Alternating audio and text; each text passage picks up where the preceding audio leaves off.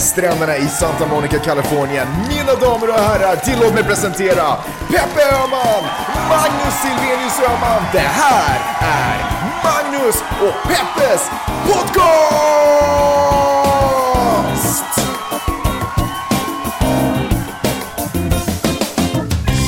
Hjärtligt välkomna till podcasten som vi kallar Magnus och Peppes podcast.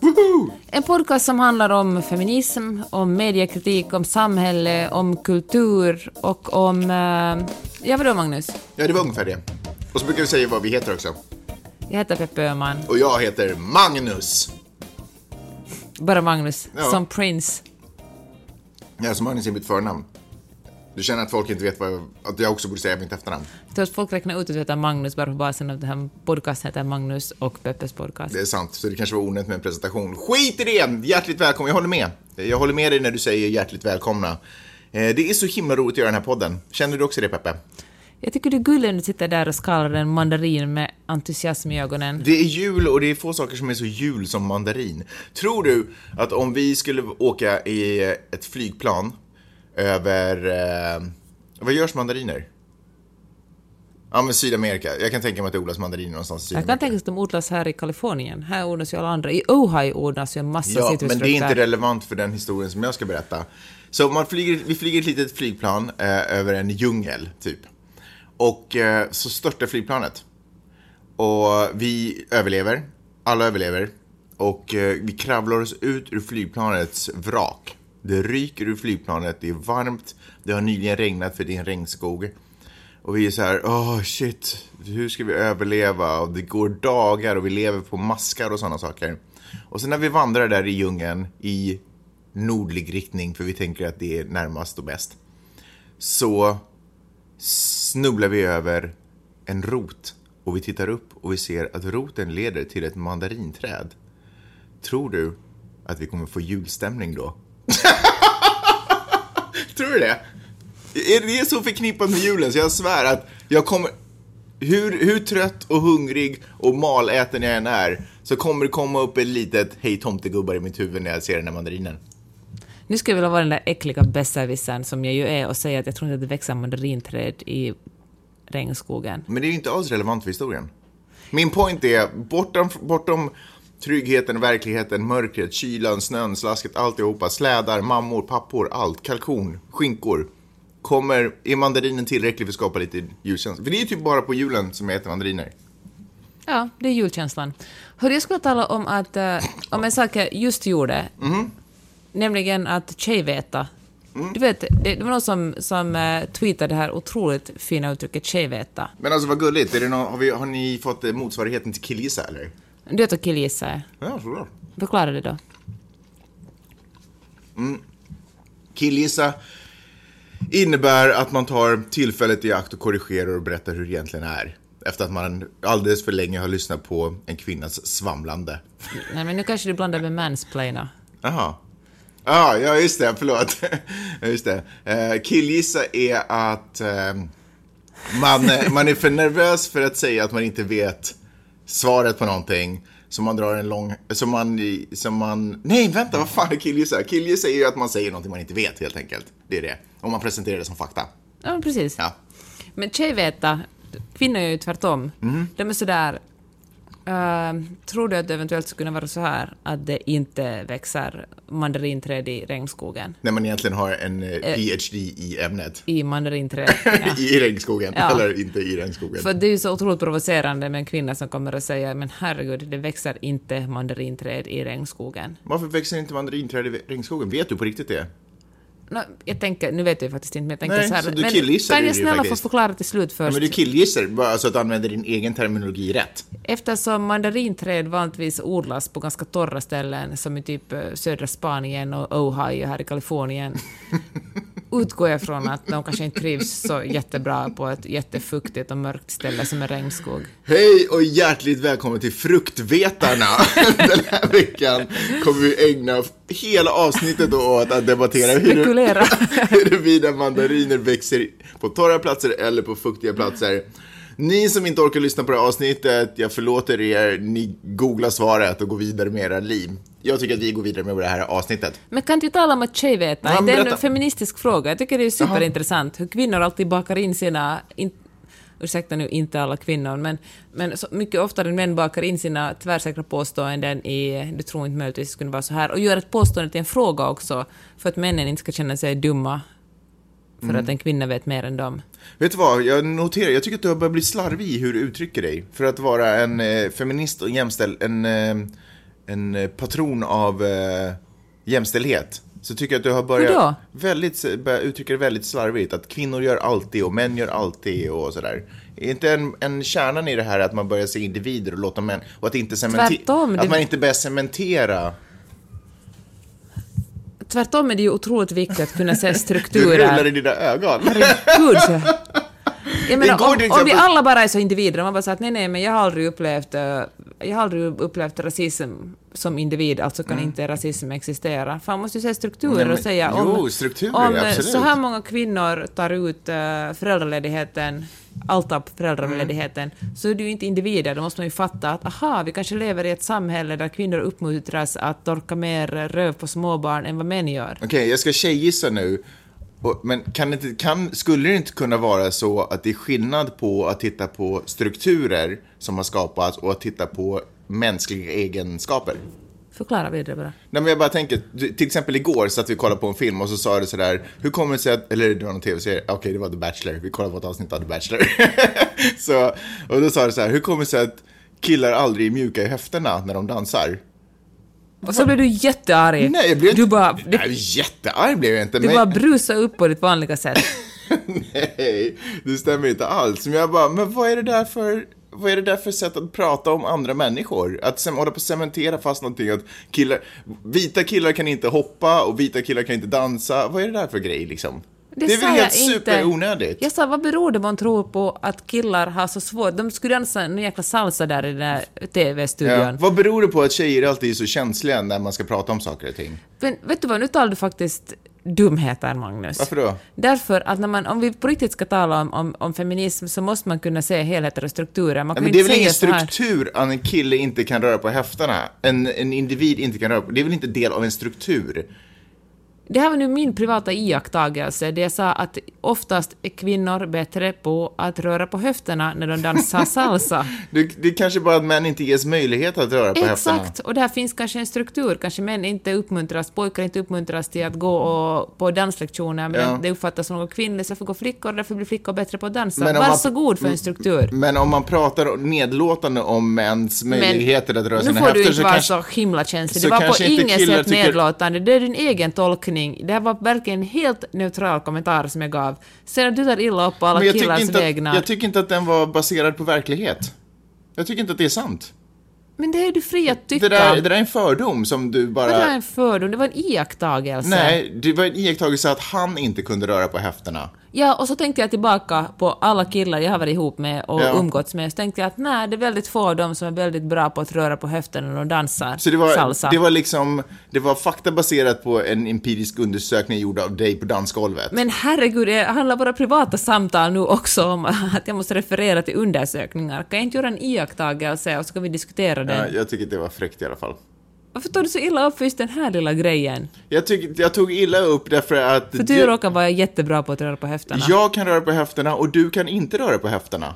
Och därför så kändes det väldigt förnedrande att det sitter en stel person bredvid mig och talar om för vad killar kan och inte kan när det kommer till att röra på höfterna. När i samma soffa så bevisas motsatsen. Ursäkta nu, men är jag som en stel person? I förhållande till Okej, mig. vi testar lite yoga efter den här podcasten och filmar in det och lägger upp den som en rolig video, så kan vi se vem som är stelare, du eller jag. Varför inte bara hålla oss till saken? Kolla vem som rör på höfterna bäst. Fine. Fine. Fine. Hör du Hillary Clinton? Minns du henne? Mm, jag minns det mycket väl faktiskt. Uh, i mitt, om man följer mitt Twitter-feed så verkar det... Mitt Twitter-feed! Nej men sluta. Så känns det som att man aldrig skulle kunna gå ut i skogen om man lever någonstans nära New York utan att stöta på Hillary Clinton. Så fort man går ut i skogen så hon där och Ah, vandrar. okej. Är, det någon, är det en ny person som har... Ja. Det kanske är dit hon har flyttat nu. Hon bara, fuck inner city, jag drar och bosätter mig i skogen. Hon kanske har blivit en grounder. Ja. Good, vad är en grounder? Det var en tv-seriereferens. Jag går, förlåt, jag, jag har förlorat mig själv i en tv-serie. Men kör vidare. Ja, Hillary Clinton i skogen. I alla fall, så hon går osminkad. Iklädd pälsmössa. Jag tror det. Jag Ja. vet faktiskt inte. Det beror på hur kallt det är. I alla fall. Hon går osminkad och nu är folk sådär herregud, Hillary Clinton är osminkad. För att det är tydligen någonting man inte får vara. Liksom folk säger att är hon sjuk? Är det här liksom en statement? Eh, Betyder det att hon gett upp nu livet? Har hon liksom gett upp att försöka imponera på folk? Är hon döende? Är hon bara trött? Och, eh, och eh, så tänkte jag på, för inte så länge sedan så dök Alicia Keys upp på, på uh, Music MTVs ja. ja. osminkad. Och då var det också stora nyheter. Herregud, en kvinna kommer osminkad. Och så tänker jag att gud... Var det verkligen den reaktionen? Men jag har läst om det på hur många ställen som Ah, okej, helst, okej, om okej, okej. analyser och är hon verkligen helt osminkad eller har hon ändå kanske underlagskräm? Okej. Och hur många bra krämer måste man ha för att ha så fin hy att man kan vara osminkad? Mm. Och eh, måste man ha mörka ögonfransar och, så vidare i all oändlighet. Och tänker jag att fan, vi har nog inte kommit så hemskt långt inom jämställdhet när det här är en stor grej. Att det verkligen är rubriker när, någon inte, när en kvinna inte sminkar sig, en kvinna i offentligheten låter bli att sminka sig. Visst är det lite sorgligt? Ja. Men jag tänker bara när du sa att det är en stor grej. Är det så stor grej? Jag tycker inte att jag har snubblat New York Times skrev om det. Mm. Om du skulle läsa New York Times, Magnus, så skulle det kanske vara en stor grej. Ja. Men det var ju inte, det var inte första sidestoff. Det var en liten grej där i mitten. Jag vet inte. Vad tycker, tycker, tycker du att det känns som en stor grej? Alltså jag tycker att Eller det är är det bara det faktum viktigt att man överhuvudtaget tar upp det? överhuvudtaget att man bedömer kvinnor på det här sättet. Att man säger haha, du är osminkad, vad beror det här på? Och liksom börjar dra analyser. Ja, men det är Det väl är ju inte... Jag, jag förstår vad du säger och du är helt rätt. Eh, att vi sitter och diskuterar en kvinnas sminkning, som en kvinna som dessutom uppenbarligen har andra talanger. Men det man också diskuterar är ju en persons förändring av beteendemönster. Och det är ju intressant. Varför har personen helt plötsligt förändrat sitt beteende? Men det har vi ju inte med Alicia Keys. Eller är det också ett stort beteendemönster? Ja, men om hon har en gång, om hon alltid, alla gånger, alla, alla tillfällen, alltid har haft smink, helt plötsligt inte har det, så är det väl värt att notera. Och det är, om jag inte förstått det hela helt fel, så ville väl också Alicia Keys att det skulle noteras för att hon försöker göra en point. Som är just den. Att kvinnor inte behöver ha smink för att vara vackra. Att kvinnor kanske inte behöver vara vackra. Och också den, kanske. Men förstår du vad jag menar? Ja, fine. Jag kanske, Och samma sak kanske jag måste ge den här åt dig. Nu kommer du bli superivrig bara för att ge dig, för att jag throw you a bone. Ja, och samma sak med Hillary Clinton. Hon har ju varit... Hon har ju gjort allting för att tillfredsställa alla ja, ja, du behöver inte förklara mer. Ja, okej. Fan. Jag hyllar Snapchat för deras eh, strategi att nu släppa ett par eh, solglasögon. Vet du, vad fasiken, vad heter märket? Peppe, det är där du ska hoppa in och säga, säga det rätta svaret. Spectacles, tack. Eh, Snapchat, hade det inte varit för eh, att de eh, hade börjat med de här face swap och du vet man kan få Bambi-öron och prata med rolig röst så hade ju ingen hållit på med Snapchat. De, gör, de lägger ju på nya steg ganska bra tillfällen hela tiden tycker jag. Vet du vad, jag tog bort Snapchat från, Ja. som app för att jag blev så trött på att eh, en massa 40-åringar, obs, själv 40, hade upptäckt Snapchat och lägger upp snygga bilder på sig själva Men som hundar och med blommor i håret. Och jag Observera, bara, lägger inte upp det på Snapchat Nej, utan lägger upp det på något annat. Facebook. Ja, eller Insta. Eller Insta, eller- ja. Och då kände jag sådär, nu vill jag inte mera vara i den här communityn, trots att jag då som sagt är en gammal Mm. tant. känner precis samma sak. Har inte gått så långt att jag skulle ha tagit bort appen. Men har verkligen inte visat den något intresse. Alltså den som leker med eh, Facebook och sådana saker är ju typ Vidde. Jag tycker, eller jag vet inte, whatever. Anywho's. And just when I thought I was out, they pull me back in. Genom att släppa ett par faktiskt helt decent looking solglasögon. Eh, jag har inte sett modellen för män, men åtminstone för kvinnor, helt decent. Jag, har, jag, kan, jag kan tänka mig människor i Rödbergen går kring ungefär liknande modell. Utan kamerafunktionen som också Snapchat har lagt till på sin. Så Snapchat gör det Google försökte göra för ett tag sedan och släppa ett, ett, par, eh, ett, par, solglas, eller ett par glasögon med kamerafunktion. Skillnaden är då att när Google försökte göra det så var det... En Nokia-ingenjör som designade Men dem. alltså, hur fan tänkte de? Det är det dummaste jag varit med om. Hur kan man släppa ett... Alltså, Alltså fulaste du varit med Ja. om. Alltså Ja. det var ett par ingenjörsglasögon. och De dessutom var var de svindyra. Alltså de, precis, de, de, de där glasögonen attraherade bara människor som har en Nokia-telefon i bältet. i ett läderhölster. I ett läderhölster med bälter. Bälter, ja. Ehm, inget ont om de människorna, men de utgör inte en stor köpkraft, tror jag, för Google. Uppenbarligen, för Google måste lägga ner dem. Anyways, så nu är Snapchat ute med nya solglasögon och dessutom till ett rimligt pris. Det låter som jag är supersponsrad, men jag är, jag är så imponerad över hur de har gjort. För jag tänkte att det Vad här är ett med... rimligt pris för dig då? Ja, men dry, drygt 100 dollar. Det tycker jag är ett rimligt pris för en eh, ny cool gadget. Jag önskar att mobiltelefoner kunde ligga på de priskassen igen, om det någonsin har gjort det. Eh, jag, jag är bara så imponerad över hur de lyckas väcka mitt intresse. För kameraglasögon var döda. Alltså Google hade dödat den tanken. Eh, Snapchat var dött för mig. Helt dött för mig. Men ändå så lyckas de dra mig in bara genom att lägga lite tanke på design, några schyssta eh, reklamfotografier, du vet. Och att det är en jakt att få tag på dem. Och att det är en jakt. Ja, det är kanske lite mer turn-off, för det är jobbigt att börja sätta sig och Ska vi göra det? Eh, Vadå? Jag Jaga berätta dem? om jakten. Berätta du, berätta om jakten. Alltså det, de säljs bara i så här pop-up-automater och, eh, och de här automaterna flyttas varje dag. Så man kan kolla på en karta. Mm. Kanske det är det Hillary Clinton gör ute i skogen. Hon håller på att placera ut den där pop-out-automaten. ja. Och nu kollade vi, precis innan vi började spela in den här podden så kollade vi på kartan. Det finns en automat i nära Magic Mountain, nöjesfältet, vilket är ungefär tre kvart härifrån. Och nu är jag på, ska vi åka eller ska vi inte åka och ta dem? Ja.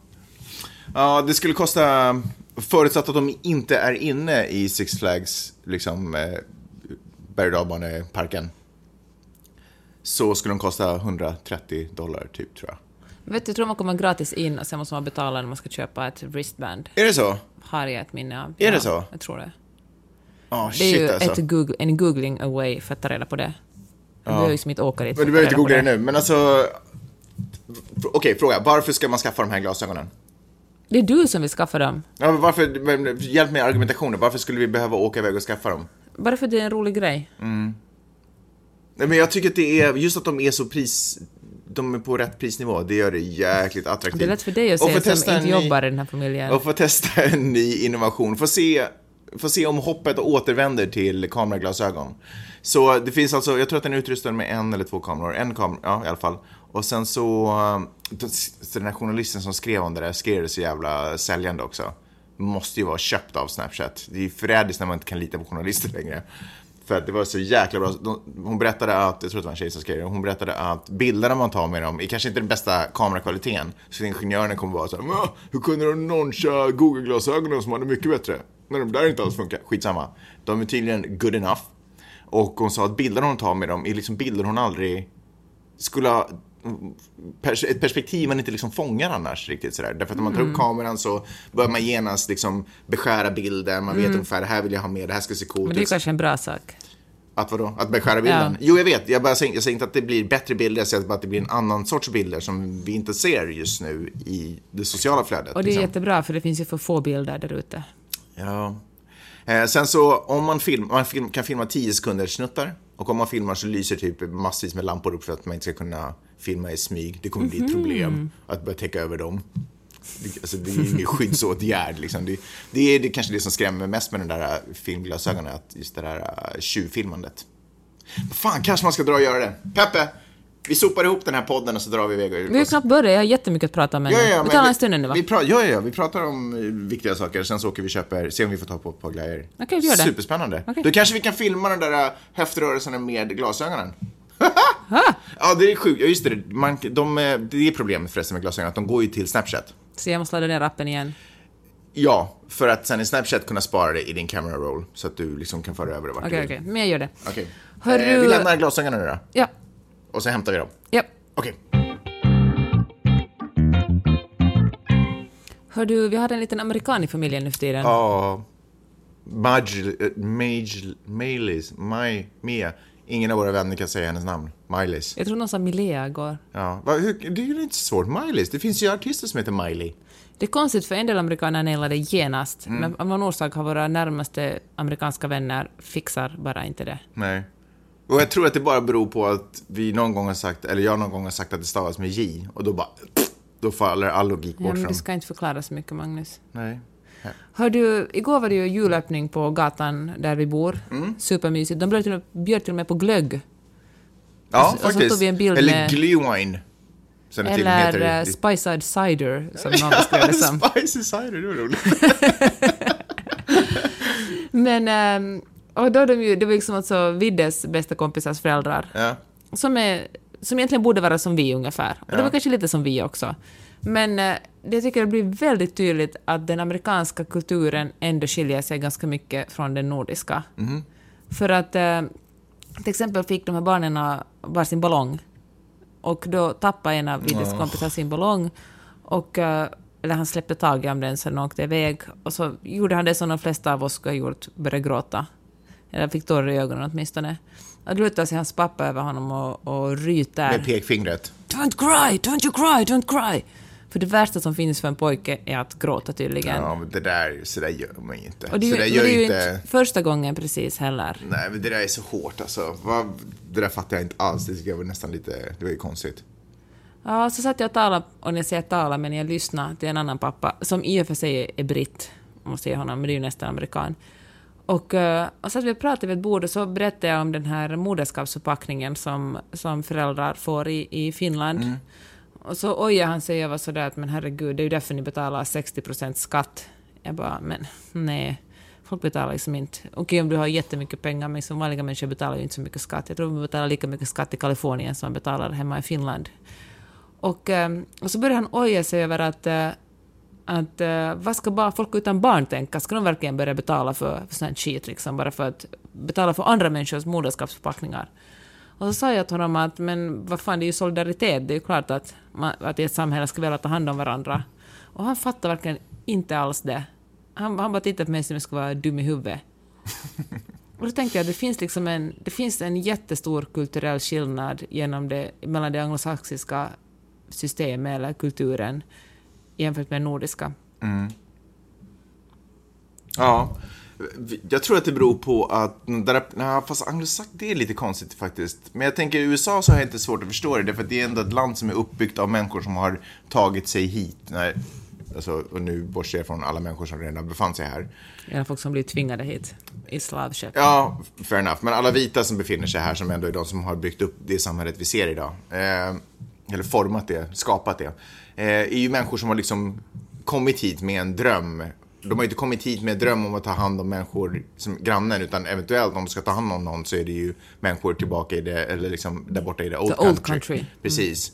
Så det har ju funnits en ganska, det har ju funnits en girig inställning till att komma hit överhuvudtaget. Eller alltså jag menar nog en väl, En entreprenörs inställning, tänker Ja, du? och säkert också nog en välmening gentemot som sagt familjen som blev kvar hemma. Men, men man har inte kommit hit för att det ska bli bättre.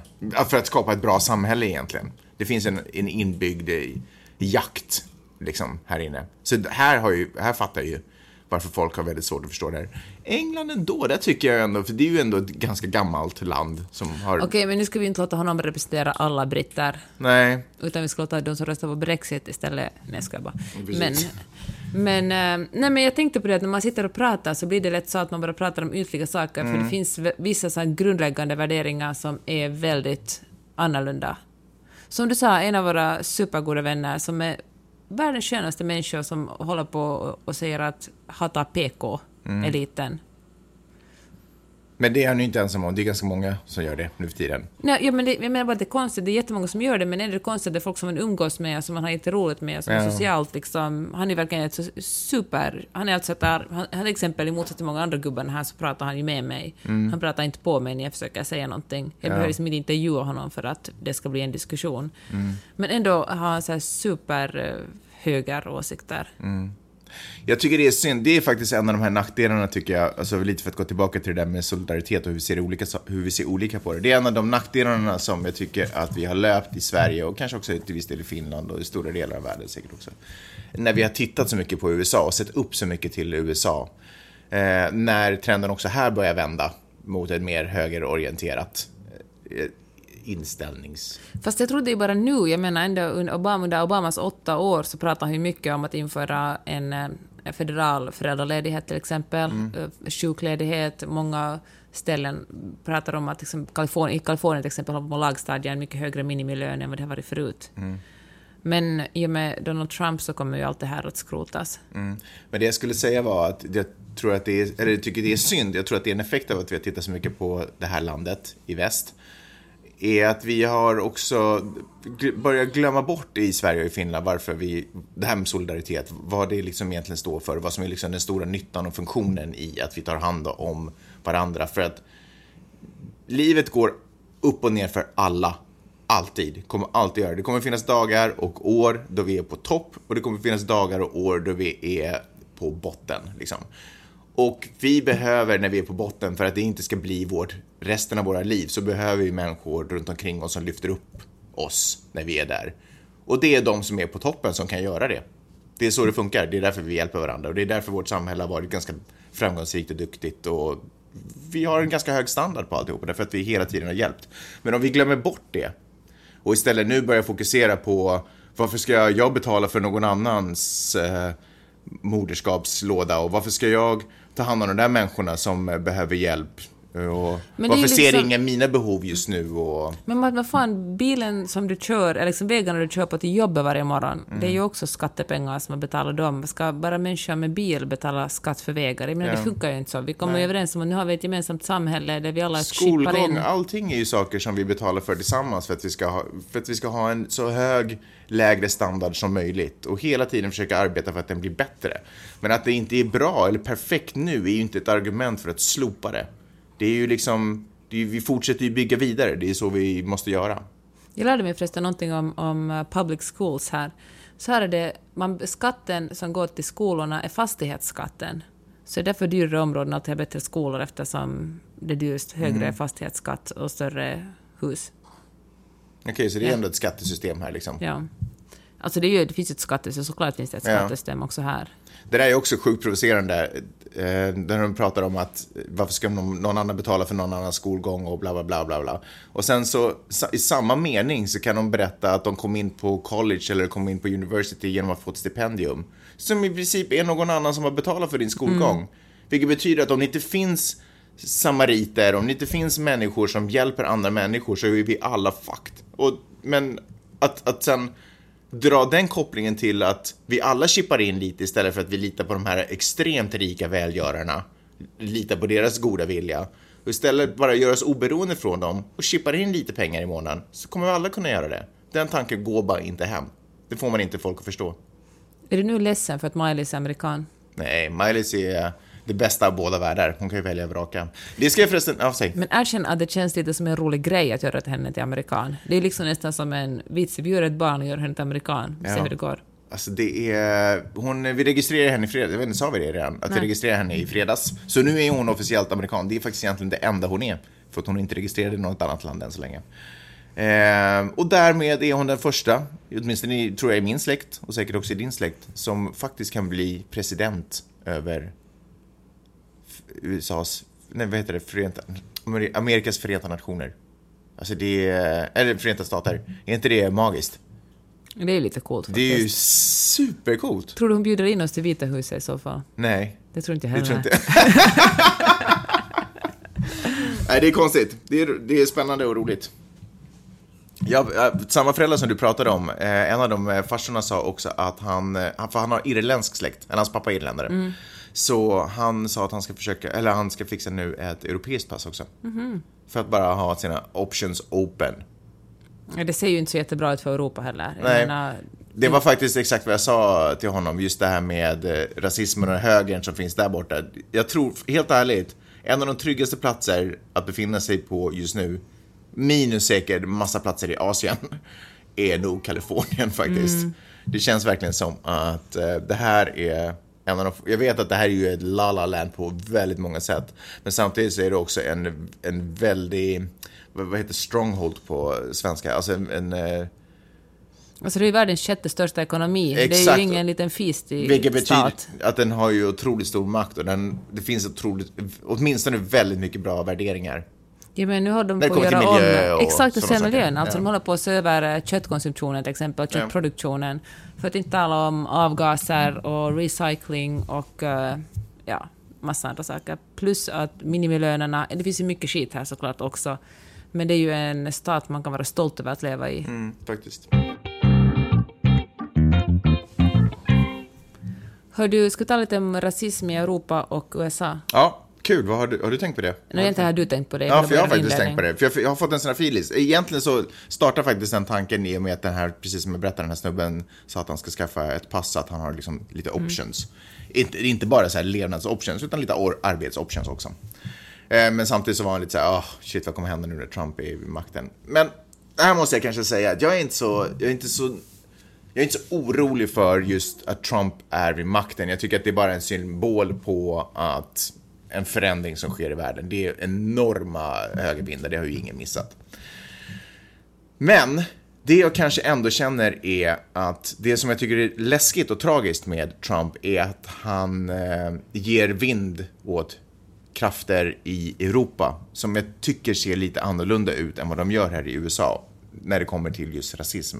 Rasismen här i USA, jag vet det här är superfördomsfullt och baserat på noll fakta och insikt kanske. Men för mig är rasismen i USA, jag menar kärnan i rasismen, den, liksom, den riktigt extremaste högerrasismen är ju KKK här. Säkert någon nazistparti också, men whatever, vad fan vet de om nazismen liksom. Eh, så KKK någonstans, det är den som är djupt rotad, den kom liksom var vidrigast under slaveriet och med lynchningar och du vet hela den grejen, den rörelsen. Absolut supervidrigt. Men för mig är den ändå liksom, det, den är baserad på eh, någon form av bara kanske okunsk, o, utbildning, okunskap, eh, eh, o, ociviliserad på det sättet att man låter sina egna instinkter ta över och inte låter reson, rim och reson regera, så att säga. Eh, men liksom huvudsakligen utövad av människor som kanske saknar en tand och har yvig frisyr. Fast det där är nog kanske Jag vet att det är, men jag försöker bara måla ja, en bild. Jag förstår att den också finns i de fina, jag förstår att det också finns i de fina salongerna och att det är en del av ett... Om man tänker på liksom lagstiftningen här till exempel, Mm. den som de på 90-talet stiftade, började man just stifta strängare lagar mot, mot uh, droger. Mm. Och då var det liksom mycket mer att, då- då hamnade man i fängelse om man sålde eller använde, inte vet jag använde, men sålde åtminstone crack. Mm. Men sålde man kokain, vilket som var liksom en, in, inte bara vit drog till, alltså en drog som vita använde, då fick man liksom bara en smäll på fingrarna och ett ajabaja. Mm. Jo, det, det. finns ett helt liksom, juridiskt system som är uppbyggt på att de droger som, som svarta sålde Mm. ledde till mycket grövre straff. Vi brukar prata om att det finns en strukturell rasism här, och det gör det absolut. Och jag skulle säga att den är baserad på att det ska finnas en att en ekonomisk elit skyddar, bevakar sina positioner. För att de kan inte vara en ekonomisk elit om alla får lika mycket pengar, för då måste de göra avkall på sina pengar. Så det, man måste forcera, och det som de har pressat ner är liksom de som en gång i tiden var slavarna, slavarnas ättlingar. Det är de som de kan pressa ner fortfarande. Liksom. Eh, så, och hålla dem oskolade, inne i fängelser, allting så att de inte kan skapa sina egna företag och börja bygga upp sin egen, eh, sitt eget helt enkelt.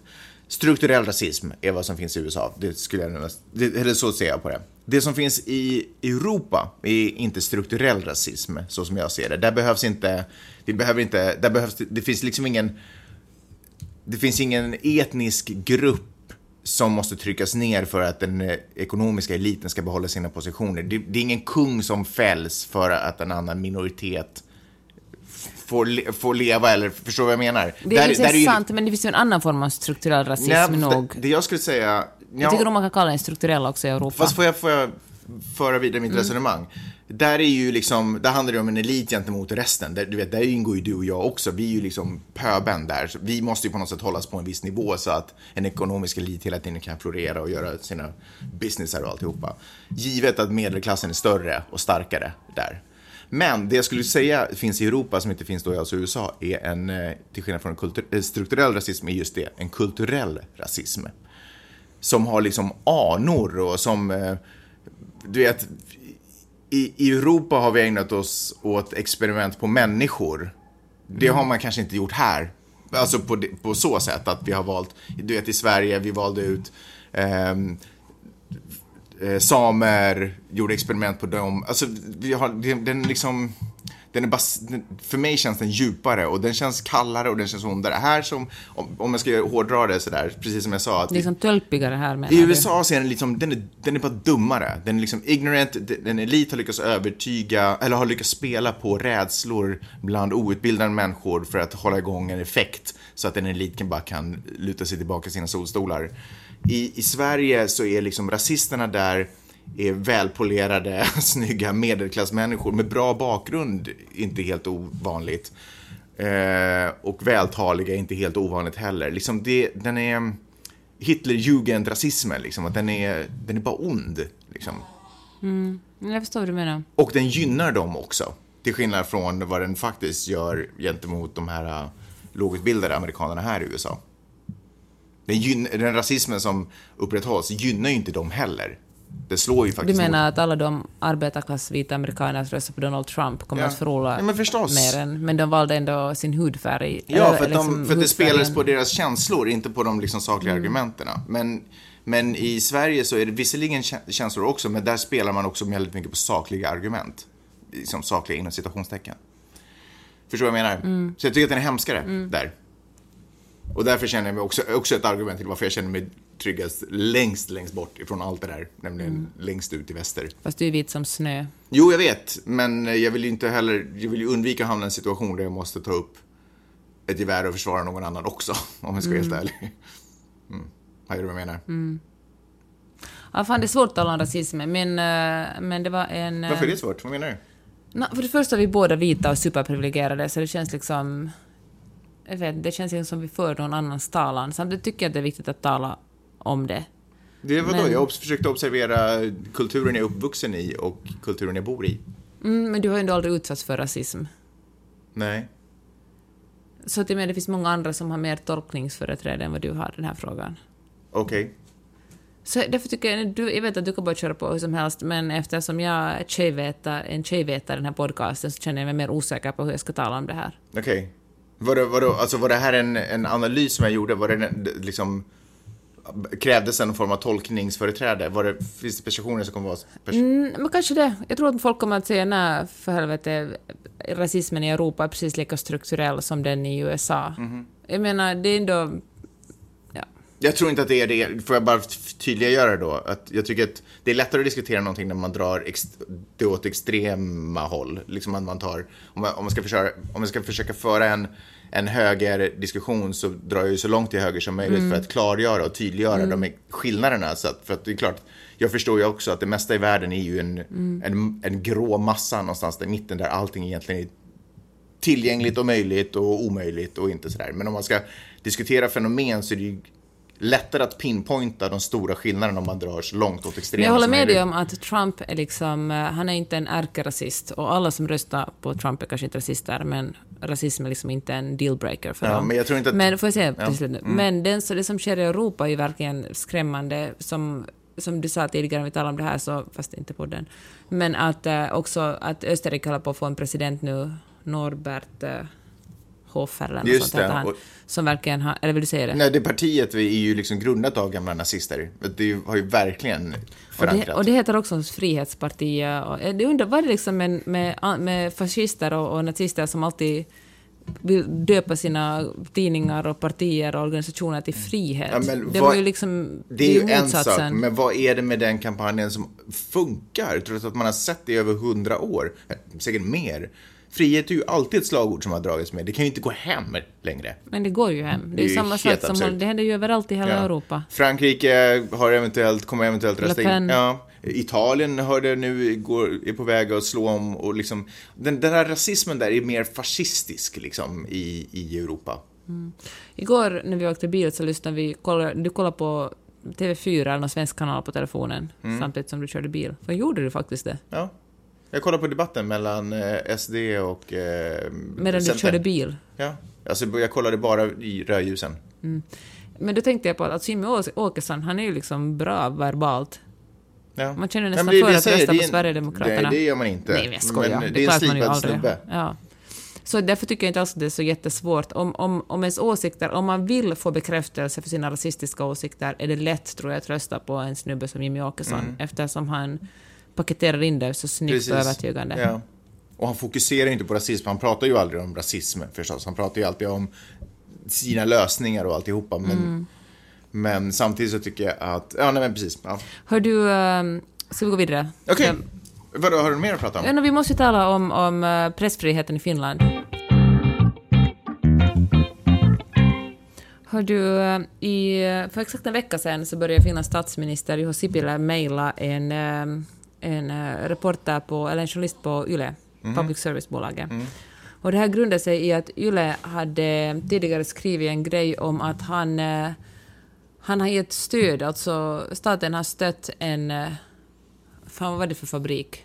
Någon sorts ja, industri. Ja, men skitsamma. En, ett företag i alla fall. Terraframe något sånt heter det, med typ 100 miljoner eller något sånt. Jättemycket pengar. Och så visade det sig att, att eh, statsministerns äh, släktingar jobbar på den här fabriken och äger väl delar av den också. Och uh, Juha Sipilä tyckte att, att det var ett vidrigt sätt som pressen då behandlade honom i, i, i offentligheten. I och Och- att de uppmärksammade det här. Ja, för att han är ju neutral. Liksom. Han hade ingenting och han tycker liksom att han är ju god. Och det kan ju vara att han är god, att han liksom inte alls finns någon jäv, att det inte finns liksom något problem med kopplingen. Men liksom att han inte har gjort någonting, att han verkligen inte har gynnat dem på något sätt. Men han, påminner mig, han påminner helt seriöst väldigt mycket om, eh, om Mittenamerika hillbilly-rasism. Ja, alltså men- han är, han jag- utstrålar det för mig. Om jag säger att jag inte har gjort något fel, så då har jag ju inte gjort något fel, Eller han.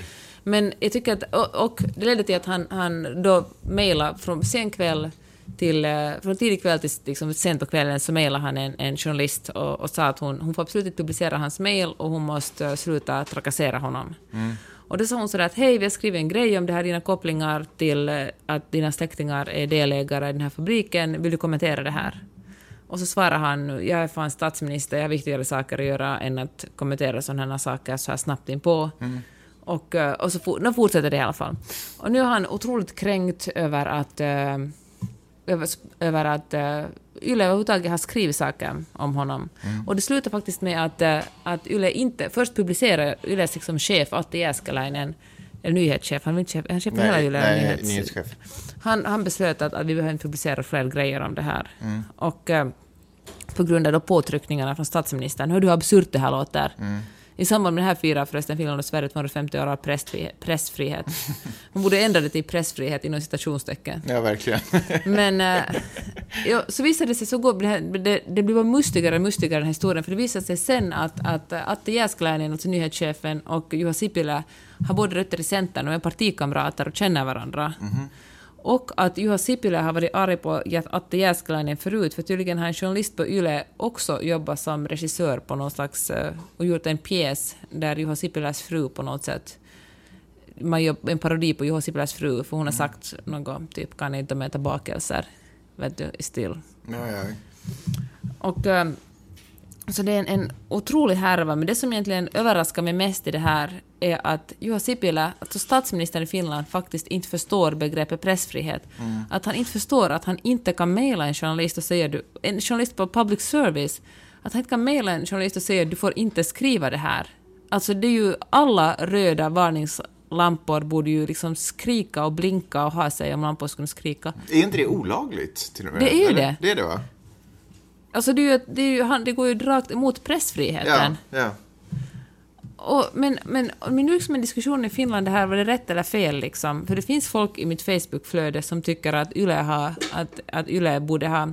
Att till exempel den första Yle-journalisten som fick ta emot eh, Sipiläs kommentar, mail, att hon borde bara ha hållit käft, lyssnat på sin chef och aldrig nämnt ett ord om det här. Hon gick ju emot honom. Och, och till Yles försvar så gjorde Yle en grej om det här där faktiskt Yles egna journalister fick sätta, sätta sin chef på bänken och fråga honom hur resonerar han här och han Okej. erkände att han hade gjort fel. ja. Men jag tycker det är en sak, Yle får liksom bara en eloge, för jag tycker att Yle har skött det bra om man bortser då från chefen. Men jag tycker att, att hur kan vi ha, hur, varför har inte Juha Sipilä avgått? Om man gör något så här grovt, att man hotar pressfriheten i ett land, hur kommer det sig att han sitter kvar? ja, det är faktiskt... Jag, håller- Vad ja. fan är det jävla bananrepublik liksom? Hur, hur är det möjligt? Kan du förklara det för mig? Jag, jag, kan förklara, jag, tror att det är, jag tror att han kan göra det på grund av folkets stöd, för folket förstår inte vikten av pressfrihet. Och det var någon eh, krönikör på DN som också skrev en krönika om eh, vad som kommer bli Sverigedemokraternas nästa, nästa stora kamp. Och det är liksom att börja rikta, underminera och rikta sig mot eh, pressen. Ja, men det har de sagt redan tidigare. Att Ja. medierna gjorde en grej på det. Och det kommer de kunna göra om folk inte förstår varför man behöver press. Och det kommer folk inte göra heller om inte press och skola och alla andra institutioner som ska forma det här, liksom våra länder, tar ansvar och förklarar vikten av, av press och demokrati. Liksom hur demokrati fungerar. Men det finns alltså folk, det här är jag vet, otroligt töntigt att referera till sitt eget Facebookflöde, men det finns faktiskt folk som inte fattar det här, som tror att journalisterna bara jobbar, att de liksom bara giriga jävlar som vill ha sin lön, som inte förstår att eh, hur viktigt det är att det finns någon som granskar makten. Ja, Alltså det är ju... Annars lever vi ju en, en, en... Det blir en diktatur. ja. Om det inte finns någon som ifrågasätter staten. Som inte får ifrågasätta Ja. staten. Ja. Ja. Jag känner mig... Jag är på riktigt superilla berörd av den här jotton. Mm. Plus att... att eh, Och, men hur kommer det sig att det inte blivit ramaskri bland andra politiker? Var är alla de här rösterna? Avgå? Eller du vet, var, ja, var är de rösterna? Var är oppositionen Ja, liksom? precis. Nu, nu sitter vi och säger här och talar om det i LA, i LA. Det kan ju vara att vi har missat en massa. Kanske de gör det, men någon annan har förbjudit pressen att skriva om det. Mm.